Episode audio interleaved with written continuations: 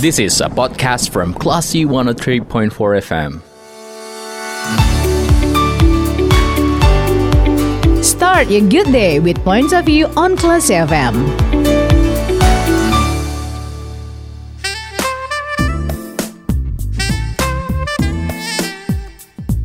Dari Bumi Kerang Putih Hindarung Padang, 103.4 Kelas FM, this is the actual radio. Assalamualaikum, selamat pagi kelas people. Gimana kabar Anda di pagi hari ini? Semoga sudah dalam kondisi yang baik untuk mengawali aktivitas dan rutinitas dan penuh semangat pastinya ya. Saatnya Anda mencermati points of view, semoga bisa kasih vibes yang positif juga dengan obrolan kita ini bersama Bapak Hinmaidi dan saya Indira. Nah, kelas people, kematangan dan kesempurnaan manusia baik dari sisi mental dan personal ataupun mungkin sosial pastinya berkaitan dengan siapnya seseorang ini menerima tanggung jawab. Kadang kita juga nggak sadar nih, apakah kita sudah benar-benar bertanggung jawab dengan yang kita lakukan selama ini? Lalu seperti apa semestinya tanggung jawab itu? Nah, kita akan bahas hari ini bersama dengan narasumber kita ada Bapak Hinmaidi. Assalamualaikum Pak. Waalaikumsalam warahmatullahi wabarakatuh. Apa kabar Mbak Dita? Alhamdulillah baik Pak. Baik juga ya Pak ya? Alhamdulillah baik. Alhamdulillah Pak. Kita mengangkat tema tanggung jawab. Ini kan sangat lumrah kita dengar ya Pak. Tapi sesuatu yang berat beban beban secara dua dimensinya ya Pak ya dunia akhirat juga. Tapi kita satukan dulu persepsi kita Pak terkait dengan tanggung jawab ini. Kata tanggung jawab itu semestinya seperti apa Pak? Baik, terima kasih Mbak Dita. Jadi tanggung jawab itu adalah suatu keadaan di mana seseorang yang memiliki tanggung jawab itu wajib menanggung segala sesuatu. Ini biasanya berkaitan dengan adanya kewenangan yang diberikan. Sehingga orang yang diberikan tanggung jawab itu dia wajib menanggung segala sesuatu yang berkaitan dengan kewenangan dia. Maka misalnya seseorang apabila diberikan kekuasaan, orang yang punya kuasa dia punya kewenangan, maka kewenangannya diikuti dengan keadaan bahwa dia wajib menanggung atas penggunaan kewenangan itu. Nah, itulah kurang lebih tanggung jawabnya. Oke, berarti bertanggung jawab siap dengan setiap konsekuensi juga Pak dari Ya, persis. tindakan yang kita lakukan. Nah, ini kan tanggung jawab ya Pak. Apakah kalau kita artikan nih eh, lebih sederhananya apakah sama dengan berarti tanggung resiko tanggung jawab ini? Bisa sama ya. Jadi apabila seseorang misalnya saja ya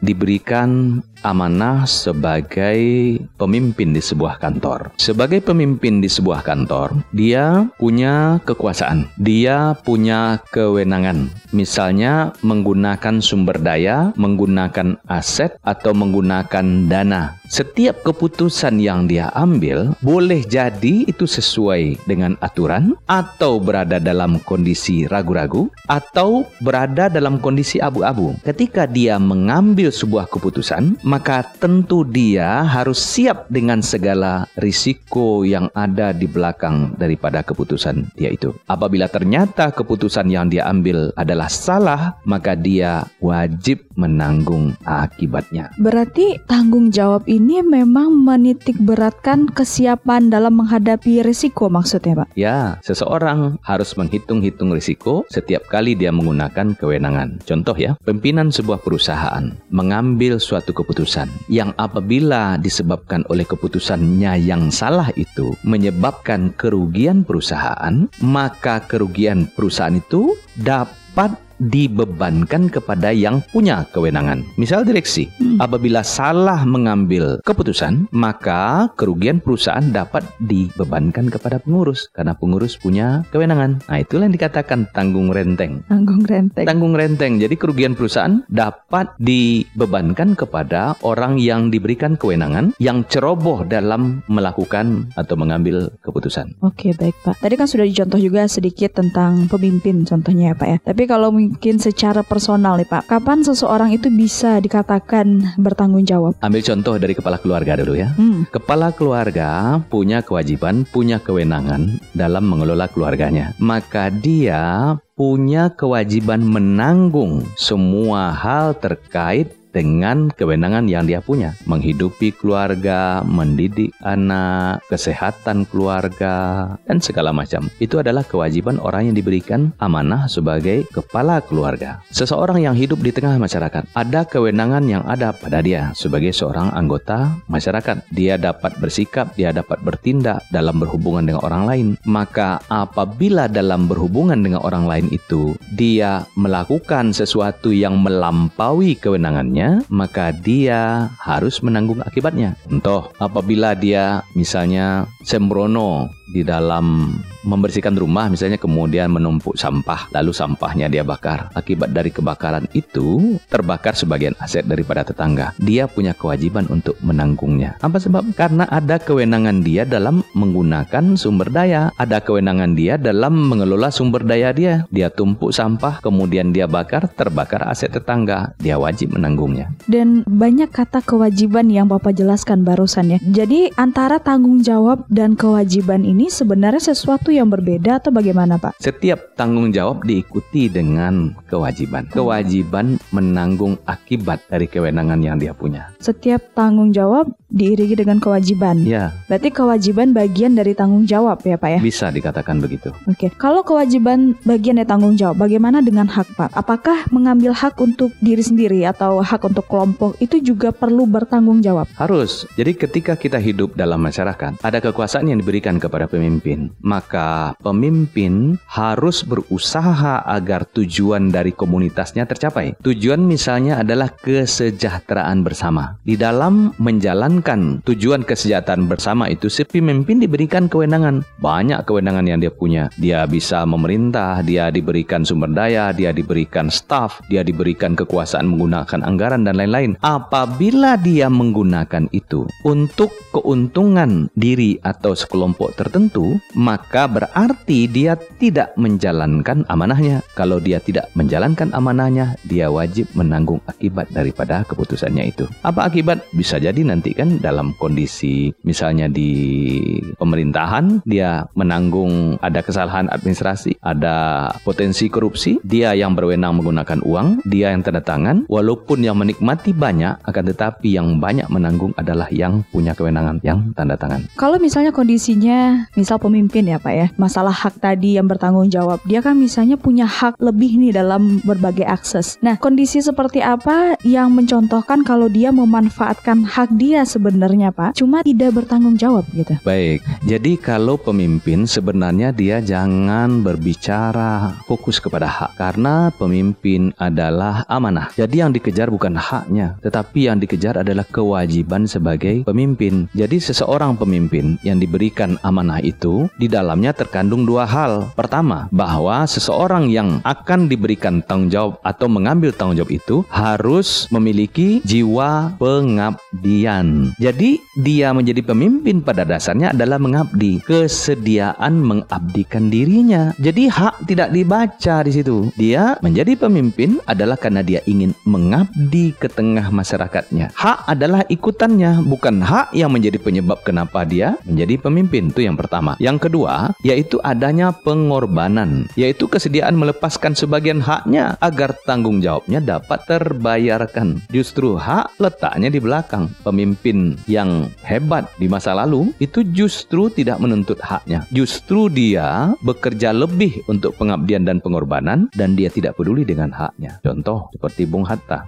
wakil presiden pernah jadi perdana menteri, menjadi proklamator, akan tetapi negara yang dia dirikan itu kemudian sudah tumbuh berkembang, Bung Hatta tidak kaya secara materi, keluarganya tidak kaya secara materi. Padahal mungkin orang berbicara dia punya hak untuk diberikan balas jasa, akan tetapi orang seperti Bung Hatta tidak menuntutnya. Agus Salim, seorang yang menjadi diplomat, pernah menjadi menteri luar negeri. Kalau kita lihat seorang yang jadi menteri, dia punya hak untuk mendapatkan fasilitas, kendaraan dan lain-lain. Akan tetapi seperti apa Haji Agus Salim? Rumahnya saja tinggal di gang sempit. Dia tidak peduli pada haknya. Maka pemimpin yang benar adalah yang mengabdi dan yang bersedia berkorban dalam rangka membayarkan kewenangan yang diberikan untuk dia. Oke, berarti saya coba ambil garisnya ya Pak. Maksudnya mengambil hak secara bertanggung jawab itu ketika dia sudah bertanggung jawab dengan baik dengan kewajibannya gitu ya Pak ya. Iya. Oke, tapi misalnya seperti ini Pak, balik lagi ke masalah hak yang bertanggung jawab ya Pak ya. Mungkin seperti tadi, eh, pemimpin paling sederhana ya Pak ya untuk dicontohkan. Iya seperti pemimpin mereka diberi fasilitas yang mungkin lebih ya dan mereka memanfaatkan itu, tapi masih banyak keluhan dari bawahan dari anggota gitu Pak. Dia tidak melampaui apa yang diberikan ke dia, cuma dia juga tidak mau mengurangi apa fasilitas yang diterima yang seharusnya dia dapatkan. Nah, kalau seperti ini bagaimana Pak? Apakah masih bisa dianggap bertanggung jawab terhadap haknya Pak walaupun dia tidak merugikan siapa-siapa sebenarnya, cuman tidak seidealis Bung Hatta mungkin. Kembali hal itu pada motivasi. Jadi seseorang menjadi pemimpin itu motivasinya apa sih? Apakah dia maju menjadi pemimpin dikarenakan ada fasilitas, ada gaji, ada staf, ada kendaraan dan lain-lain? Apabila kita mendapati pemimpin seperti itu, maka malanglah nasib orang yang dipimpinnya. Jadi pemimpin itu hanya fokus pada dirinya sendiri, dia menjadikan kepemimpinan sebagai lahan pekerjaan untuk kebutuhan atau kesejahteraan pribadi dia. Pemimpin yang benar bukanlah yang seperti itu. Pemimpin yang benar adalah yang memang ingin memajukan orang yang dia pimpin walaupun dia sendiri menderita dibuatnya. Jadi kalau kita bicara tadi pemimpin tidak mau haknya dikurangi, maka pada dasarnya bukanlah tipikal pemimpin yang baik. Itu motivasinya motivasi pribadi, bukan mendahulukan orang banyak, tetapi dia mendahulukan dirinya sendiri. Di sektor apa pun, walaupun sektor bukan apa pun. pemimpin masyarakat, pemimpin dalam bisnis pun. Kalau dalam pemimpin di dalam bisnis, kan dia yang memiliki bisnisnya. Hmm. Dia yang memiliki bisnisnya, otomatis dia jadi pemimpin. Kepemimpinan dia bukan karena dicari, tapi karena dia yang membangun. Tetapi kalau dalam konteks pemimpin di masyarakat, pemimpin yang ideal adalah masyarakat yang ingin dia duduk sebagai pemimpin, bukan dia yang pengen dipilih. Sulit sepertinya kalau untuk zaman sekarang seperti itu ya Pak. Semua tergantung kepada siapa yang dipimpin. Jadi kalau masyarakatnya adalah masyarakat yang cerdas, yang baik, yang soleh, maka mereka akan mendapatkan pemimpin yang baik, cerdas, dan soleh. Karena sesungguhnya pemimpin adalah cerminan orang yang dipimpinnya. Jadi ketika kita mengkeragui bahwa masyarakat saat ini banyak yang asal saja, tidak berpikir jangka panjang, masyarakatnya lebih mementingkan isi perutnya sendiri, kemudian tidak peduli halal dan haram, maka di tengah masyarakat yang seperti itu akan lahir pemimpin yang juga tidak peduli halal dan haram. Jadi apabila pertanyaan tadi dikembalikan, susah untuk mencari pemimpin yang seperti itu pada zaman sekarang, berarti kita mengkeragui bahwa sungguhnya masyarakat pada saat ini adalah masyarakat yang tidak ideal. Masyarakat yang sibuk dengan dirinya sendiri, tidak peduli kepada masyarakat yang lain, dia fokus eh, selagi masih bisa mengambil manfaat untuk diri dan keluarganya dia akan ambil, dia tidak peduli hal dan haram, dia tidak peduli eh, tipu menipu, masih suka menyogok, masih suka bohong, masih juga ngemplang pajak dan sebagainya. Maka apabila seperti itu masyarakatnya, pemimpin yang akan hadir adalah seperti masyarakat yang dipimpinnya. Berarti tidak hanya menyalahkan eh, siapa, tapi melihat ke kita juga ya Pak ya. Ya, karena apa? Apabila masyarakatnya baik, sopan, jujur, soleh, tak mungkin mereka memilih pemimpin yang penipu,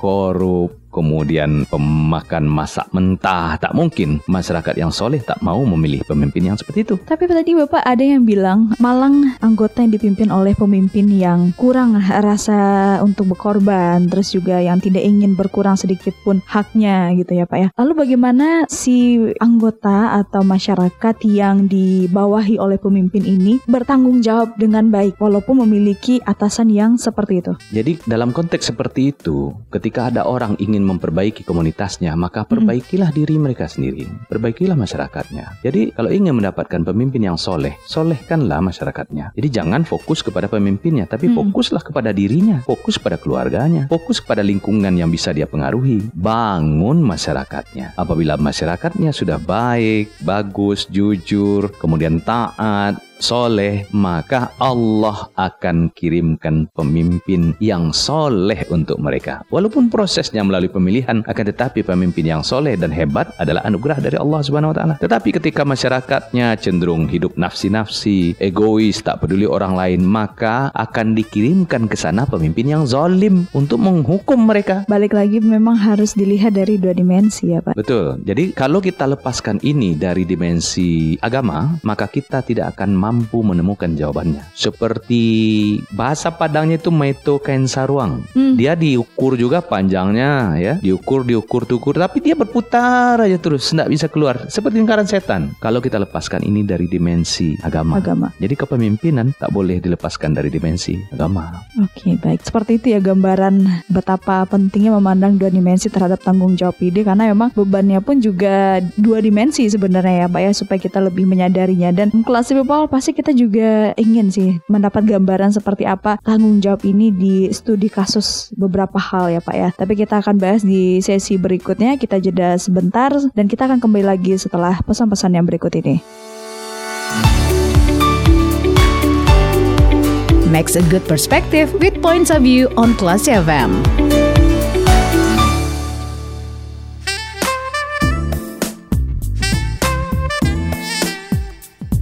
103,4 Kelas FM, this is the actual radio. Kelas People Anda masih mencermati Points of View bersama Sidita Indira dan juga Bapak Henmaidi. Di hari ini kita membahas tanggung jawab. Seperti apa tanggung jawab yang semestinya, lalu bagaimana keterkaitan antara tanggung jawab dengan hak dan kewajiban. Dan tadi sudah dipaparkan uh, secara garis besar juga oleh Bapak di sesi sebelumnya ya. Dan Kelas People dan juga Bapak nih Pak, bagaimana kalau misalnya nih Pak, kita sudah menjalankan tugas sesuai sesuai dengan tanggung jawab karena tadi berkaitan dengan kewajiban ya Pak ya masalah tanggung jawab. Namun saat kita menjalankan tanggung jawab ini tidak maksimal atau tidak sungguh-sungguh, tapi kewajiban ini tetap terpenuhi walaupun tidak sungguh-sungguh mengerjakannya. Ini gimana Pak? Ibaratnya kalau bahasa Minangnya lapeh makan gitu Pak. Uh, jadi dalam konteks yang kita bicarakan ini semua kembali kepada niat. Innamal amalu bin niat. Setiap kewenangan yang diberikan seseorang akan dimintai pertanggungjawabannya. Oke. Okay? Jadi ketika ada seorang pemimpin lalu lalu menjalankan tugasnya dengan asal, walaupun terpenuhi juga, mm-hmm. maka sesungguhnya kepemimpinan itu tidak bermanfaat bagi dia. Walaupun hasil terlihat dari orang bagus, akan tetapi ternyata dianya sendiri sebetulnya tidak full hearted, misalnya kan, tidak sepenuh hati dengan santai-santai saja, lalu mengambil haknya, maka sesungguhnya dia akan dimintai pertanggungjawaban. Tapi ingat, pertanggungjawaban ada dua dimensi di dunia dan di akhirat. Orang yang diberikan tanggung jawab lalu berlalai berlalai-lalai dengan tanggung jawab dia, mungkin di dunia dia tetap mendapatkan penghargaan, tetapi di akhirat setiap kewenangan yang diberikan kepadanya akan dimintakan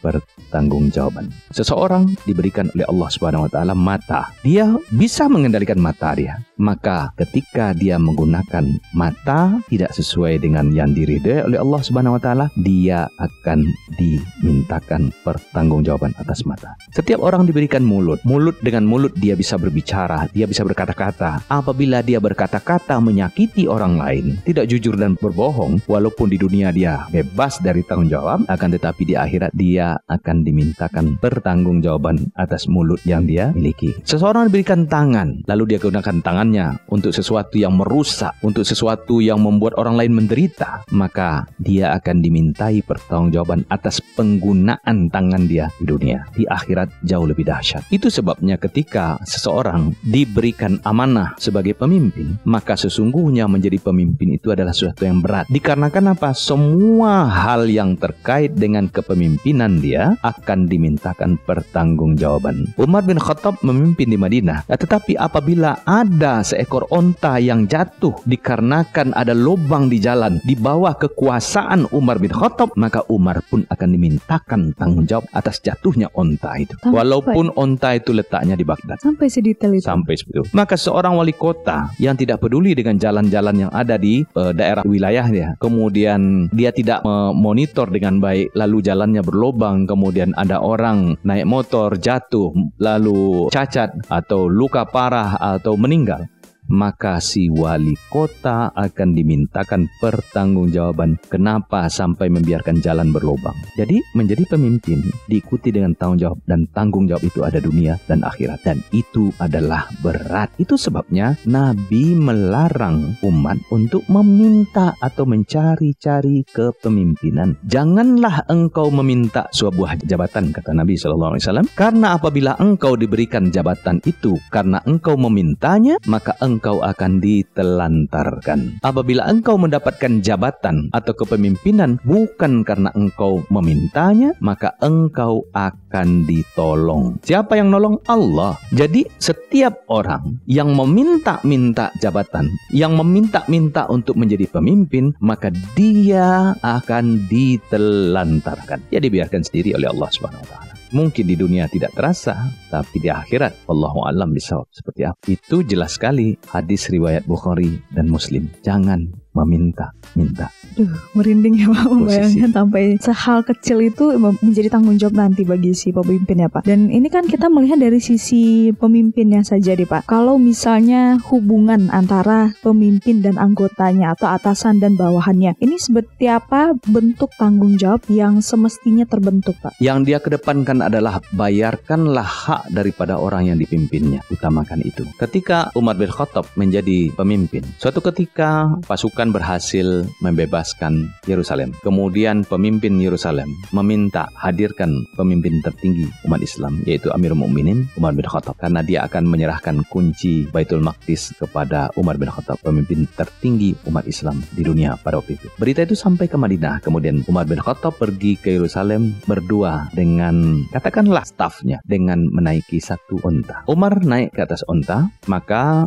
stafnya berjalan. Setelah waktu tertentu Umar turun, stafnya naik ke atas unta dan Umar yang menuntun untanya. Begitu sampai di dekat Yerusalem, nampaklah pemimpin Yerusalem itu seseorang yang sedang ada di atas unta, kemudian seorang menuntunnya. Dia ragu yang mana yang khalifah umat Islam itu. Ternyata waktu itu Umar sedang di bawah menuntun unta. Umar tidak meminta fasilitas sebagai pemimpin. Dia adil dengan kepemimpinnya. Jadi kalau dia naik unta dua jam, maka gantian dia akan menuntun dua jam. Hal yang sama diikuti oleh cicit Umar bin Khattab yaitu Umar bin Abdul Aziz. Ketika menjadi pemimpin, ketika dia ditunjuk sebagai khalifah, sebelumnya beliau adalah gubernur di Madinah yang kaya raya. Lalu dia ditunjuk menjadi khalifah pengganti Khalifah Sulaiman sebelumnya yang telah meninggal. Dia menolak, akan tetapi semua orang telah menetapkan bahwa pengganti khalifah adalah Umar bin Abdul Aziz. Dia minta tiga hari untuk memutuskan. Hari ketiga akhirnya dia iakan dengan penuh kesedihan. Maka pada hari itu dia sumbangkan seluruh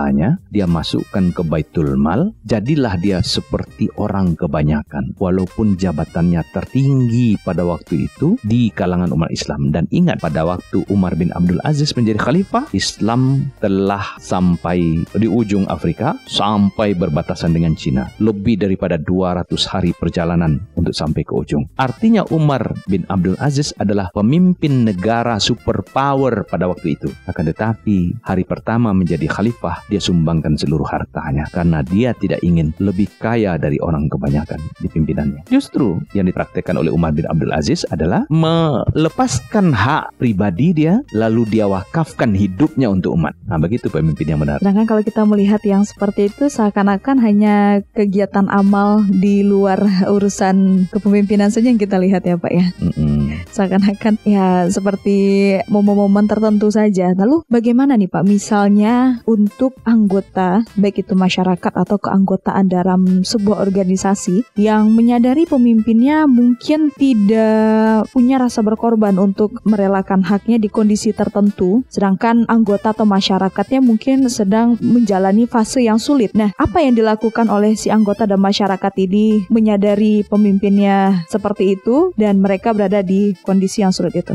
Bersabarlah satu. Yang kedua, lakukan apa yang mampu dilakukan. Masyarakat tak dapat mengontrol pemimpin, akan tetapi masyarakat dapat mengontrol diri mereka sendiri. Hmm. Mereka dapat mengontrol lingkungannya, maka berbuatlah semaksimal semaksimal mungkin terhadap apa yang bisa dia kuasai. Dia tidak punya kuasa untuk kepada pemimpinnya, tapi dia punya kuasa untuk diri dan keluarganya. Dia mungkin punya pengaruh untuk masyarakatnya, maka lakukanlah yang terbaik di masyarakat. Daripada sibuk menyalahkan pemimpin, kenapa kita tidak membangun umat? Karena apabila kita sibuk menyalahkan pemimpin tanpa berbuat apa-apa, sama seperti orang yang sibuk memaki lembah tanpa mem mempertinggi tempat dia berdiri. Oke, baik Bapak. Ini baru case uh, pemimpin dan masyarakat ya Pak ya. Saya mau gali ke case dari keluarga juga nih Pak. Nah, kalau untuk keluarga Pak, tanggung jawab dalam keluarga ini ada nggak Pak? Contoh kasus yang mungkin kalau kita lihat dalam keseharian itu terlihat lumrah dalam rumah tangga tapi sebenarnya itu salah satu bentuk hal yang tidak bertanggung jawab atau hal yang kurang bertanggung jawab. Orang tua punya kewajiban untuk mendidik anaknya. Pendidikan dimaksud untuk semua cabang ilmu, tetapi yang paling utama adalah ilmu untuk hidup. Ilmu untuk hidup sebagai orang yang beriman. Maka kewajiban pendidikan bagi seorang anak adalah pada bapaknya. Ada sebagian orang tua merasa bahwa kewajiban mendidik anak itu telah lunas apabila dia telah sekolahkan anaknya di sekolah yang dia pilih. Terus di rumah dia tidak melakukan apa lagi. Ketika nanti anaknya telah dewasa, tahu-tahu tidak bisa mengaji, tahu-tahu tak bisa sholat, maka yang salah adalah bapaknya. Setiap anak lahir dalam keadaan suci, bapaknya yang membuat dia jadi Yahudi, menjadi Nasrani, atau menjadi Majusi. Tanggung jawab yang seperti itu sering kali abai di kalangan umat pada saat ini. Seorang bapak telah merasa senang saja, oh anak saya telah saya sekolahkan ke SDIT, anak saya sudah saya serahkan ke pondok, anak saya sudah saya sekolahkan ke sekolah terbaik di kota ini. Dalam bidang akademik tak ada duanya di kota ini, tapi dia lupa kewajiban itu ada di rumahnya. Anak di sekolah hanya 6 jam, sementara 18 jam lagi dia ada di bawah tanggung jawab orang tuanya. Nah, sering kali orang tua merasa bahwa kewajibannya sudah lepas apabila sudah sekolahkan anak ke sini dan ke situ. Di rumah tidak diulang-ulang lagi. Hafalannya tidak dicek, bacaan sholatnya tidak diperiksa, sikap cara ngomongnya tidak dikoreksi. Ketika anaknya ternyata nakal lalu dia katakan, "Gimana sekolah nih? Gimana cara mendidik anak saya?" Sekolah pula yang disalahkan. Kenapa bacaan eh, sholat anak saya begini, belepotan begini? Sekolah pula yang disalahkan. Padahal sekolah hanya mendidik anak dalam jam tertentu. Sementara dia menguasai atau dia berada ada bersama dengan anaknya jauh lebih panjang. Itu lumrah sepertinya kan, hmm. padahal sebetulnya adalah orang yang menyanyiakan tanggung jawabnya. Jadi yang sering komplain karena waktu di masa pandemi kewalahan ngurusin anak, berarti tanpa sadar dia sebenarnya tidak bertanggung jawab ya Pak ya? Iya, pada waktu itu baru sadar, eh ternyata mendidik anak itu tidak mudah ya.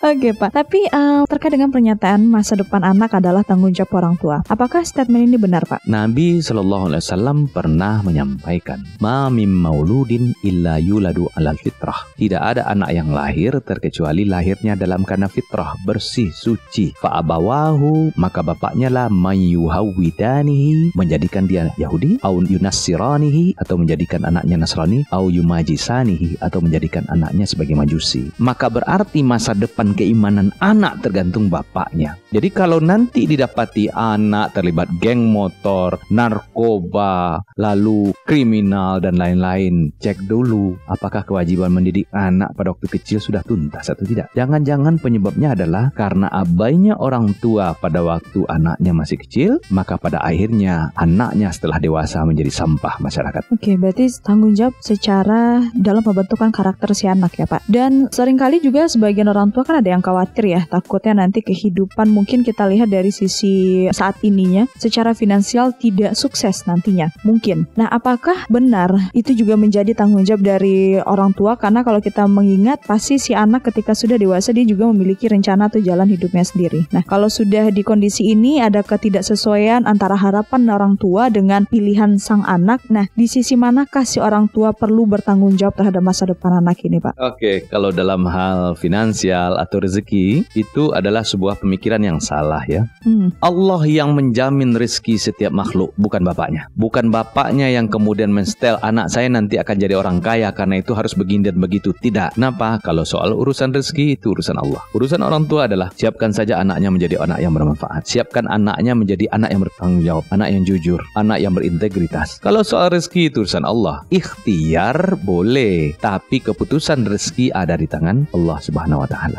Jadi apabila ada orang tua menyangka anak saya harus sekolah ini sekolah itu supaya hidupnya nanti senang, salah karena rezeki Allah yang telah atur. Akan tetapi ikhtiar boleh, memaksakan tak boleh. Berusaha bagus. Kita menganggap bahwa kita sebagai orang tua sudah berpikir jangka panjang, sudah memakan asam garam kehidupan sehingga rasanya yang cocok untuk anak adalah seperti ini. Berikhtiar boleh, memaksakan lalu menggantungkan bahwa keberhasilan anak tergantung daripada saran ini, pada tujuan ini, pada jalan ini, itu adalah anggapan yang salah. Oke baik, berarti memang dua dimensi tadi itu yang harusnya jadi tanggung jawab adalah intinya anaknya jadi orang baik itu yang tanggung jawab orang tua ya. Tanggung jawab orang tua jadikanlah anak dia sebagai anak yang baik. Masyarakat ini memerlukan orang pintar, ya. Orang pintar banyak, tapi orang baik jarang. Karena itu tugas utama dari orang tua adalah jadikanlah anak menjadi anak yang baik. Biar dia nanti bisa berkarya dan bermanfaat bagi umat. Oke baik, cukup dalam ya pengkondisian yang dijelaskan oleh Bapak barusan dan kelas people. Pastinya kita juga berharap ya lingkungan dan juga kita pun bisa konsisten untuk bertanggung jawab terhadap tindakan bahkan setiap tindakan. Lalu seperti apa cara menumbuhkan rasa tanggung jawab ini supaya konsisten? Kita akan bahas di sesi berikutnya. Jadi jangan ke mana-mana. Keep in tune di kelas FM. Makes a good perspective with points of view on Classy FM.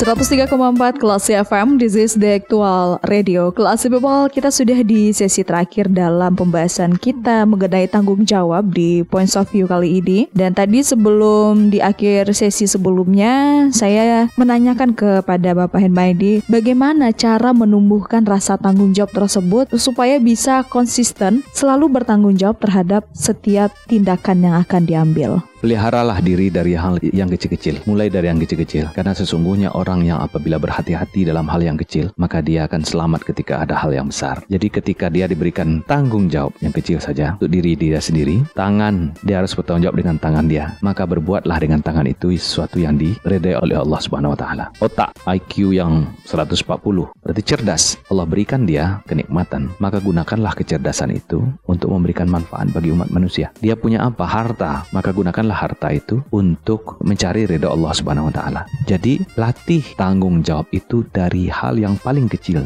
dari diri sendiri. Siapa yang bisa menjaga diri dari hal yang kecil-kecil, maka insya Allah dia akan selamat. Manusia itu tertarung oleh batu yang kecil, bukan oleh batu yang besar. Karena itu membangun tanggung jawab harus dimulai dari diri, dari hal yang kecil-kecil, dan konsisten. dan konsisten. Dan masih berkaitan dengan pertanyaan tadi, Pak. Jadi untuk menjadi orang yang bertanggung jawab dan konsisten dengan tanggung jawab tersebut harus diiringi dengan sikap apa aja nih, Pak? Keyakinan bahwa segala sesuatu yang kita punya akan dimintai pertanggungjawaban. Segala sesuatu. Karena itu sibuklah berpikir, apa lagi yang belum saya kerjakan? Apa yang perlu saya kerjakan supaya diredai oleh Allah Subhanahu wa taala? Pertanyaan-pertanyaan seperti itu senantiasa dilakukan. Nah, itu yang dikatakan oleh orang sebagai muhasabah, menghisap diri, menghitung-hitung. Aduh, ya Allah, nikmat banyak sekali Allah berikan. Gaji ada, penghasilan ada, rumah sudah ada. Apa yang belum saya lakukan ya? Karena itu kaji diri,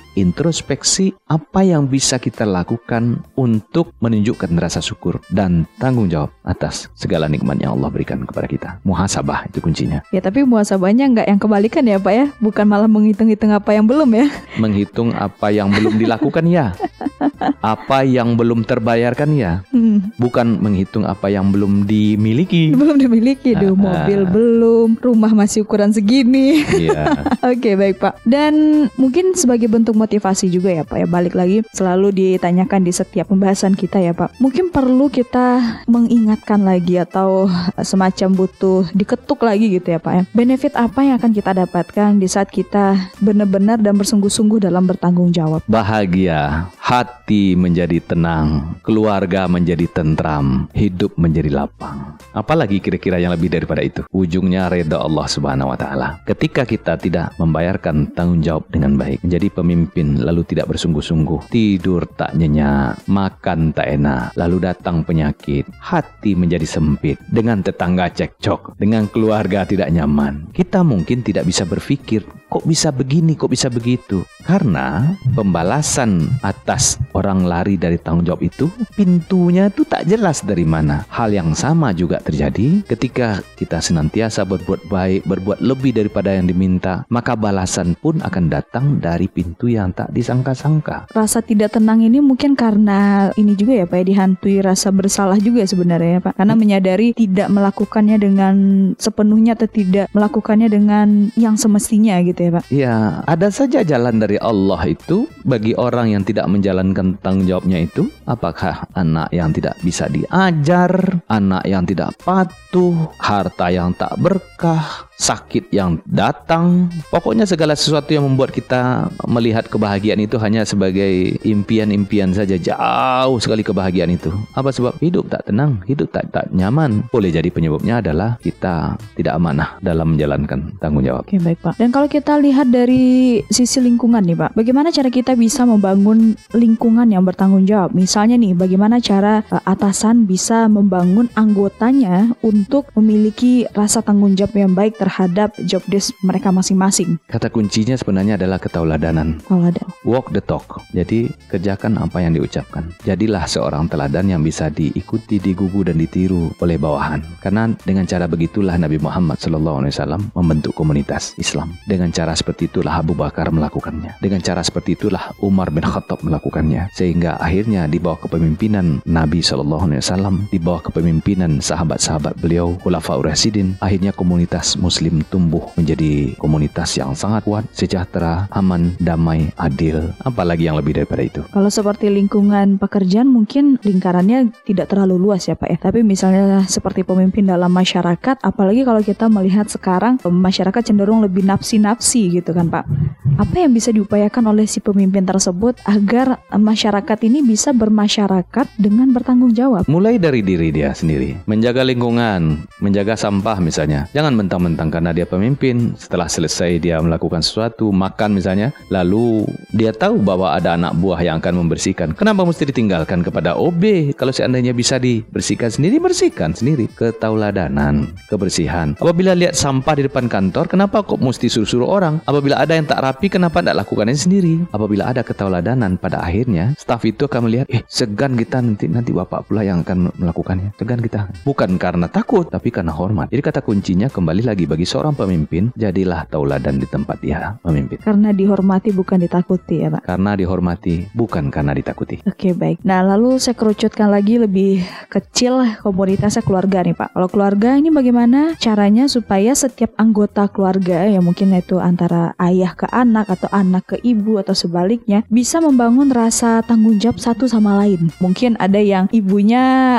gengsian untuk mengaku salah atau ada orang tua ayahnya yang rada diktator, anak selalu mengikuti perintah orang tua atau sebaliknya si anak menyadari ingin memberitahu. Nah seperti apa nih Pak sebaiknya? Tanggung jawab tetap ada pada bapak ya. Jadi bapaklah pemimpin, kepemimpinannya lah yang membuat keluarganya nanti apakah dia sakinah, mawaddah, warahmah itu. Bagaimana cara dia memimpin, keteladanan yang diberikan. Sesungguhnya sakinah, mawaddah, warahmah di dalam keluarga itu adalah anugerah dari Allah Subhanahu wa taala dan itu sangat tergantung kepada apakah orang yang ada di dalam keluarga itu memiliki perilaku, memiliki sikap yang disenangi, yang diridhoi oleh Allah Subhanahu wa taala. Tapi yang pertama kali akan dimintakan tanggung jawabnya adalah bapaknya. Karena itu mulailah dari bapaknya itu ketauladanan. Kalau seandainya bapak ingin supaya anaknya mau mendengarkan, maka jadilah bapak pendengar yang baik. Apabila dia ingin anaknya merupakan seorang yang rajin dan ringan tangan di dalam melakukan pekerjaan-pekerjaan, maka bapaknya yang harus memulai itu tanpa harus ngomong. Jadi seluruh anggota keluarga akan berpedoman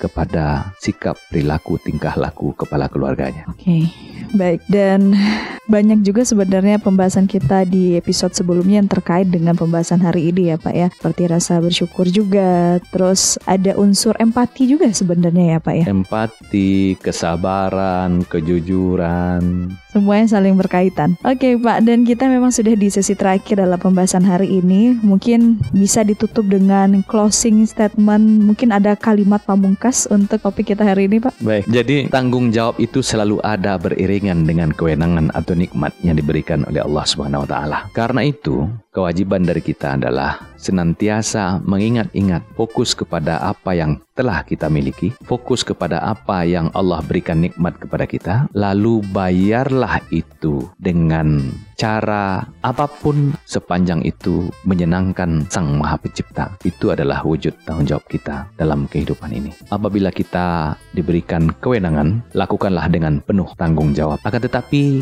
tanggung jawab itu adalah berat. Ketika tanggung jawab itu pantas di kandang, maka tidak boleh seorang pun lari dari tanggung jawabnya. Tanggung jawab adalah bagian daripada kehidupan. Takkan ada manusia yang tidak akan dimintakan tanggung jawab. Tanggung jawab akan senantiasa ada sampai seseorang telah meninggal. Ketika dia telah meninggal, tanggung jawab di dunia telah habis. Dia tinggal membayarnya nanti di akhirat atau menikmati hasilnya. Oke, baik. Ini juga menjadi penutup pembahasan kita di hari ini ya, kelas Rupal dan sudah waktunya Sedita Indira dan juga Bapak Henmaidi pamit. Semoga pembahasan hari ini bisa mengetuk lagi yang sudah mulai terabaikan karena hampir yang kita bahas ini sudah saling tahu sebenarnya Pak ya, tapi perlu diketuk lagi supaya ingat lagi dengan hal-hal yang fitrah dan terima kasih untuk Anda yang sudah mencermati pembahasan ini sampai di sesi terakhir. Kalau gitu kami pamit. Assalamualaikum warahmatullahi wabarakatuh and then see you. Points of View. We'll be back on next week. See you.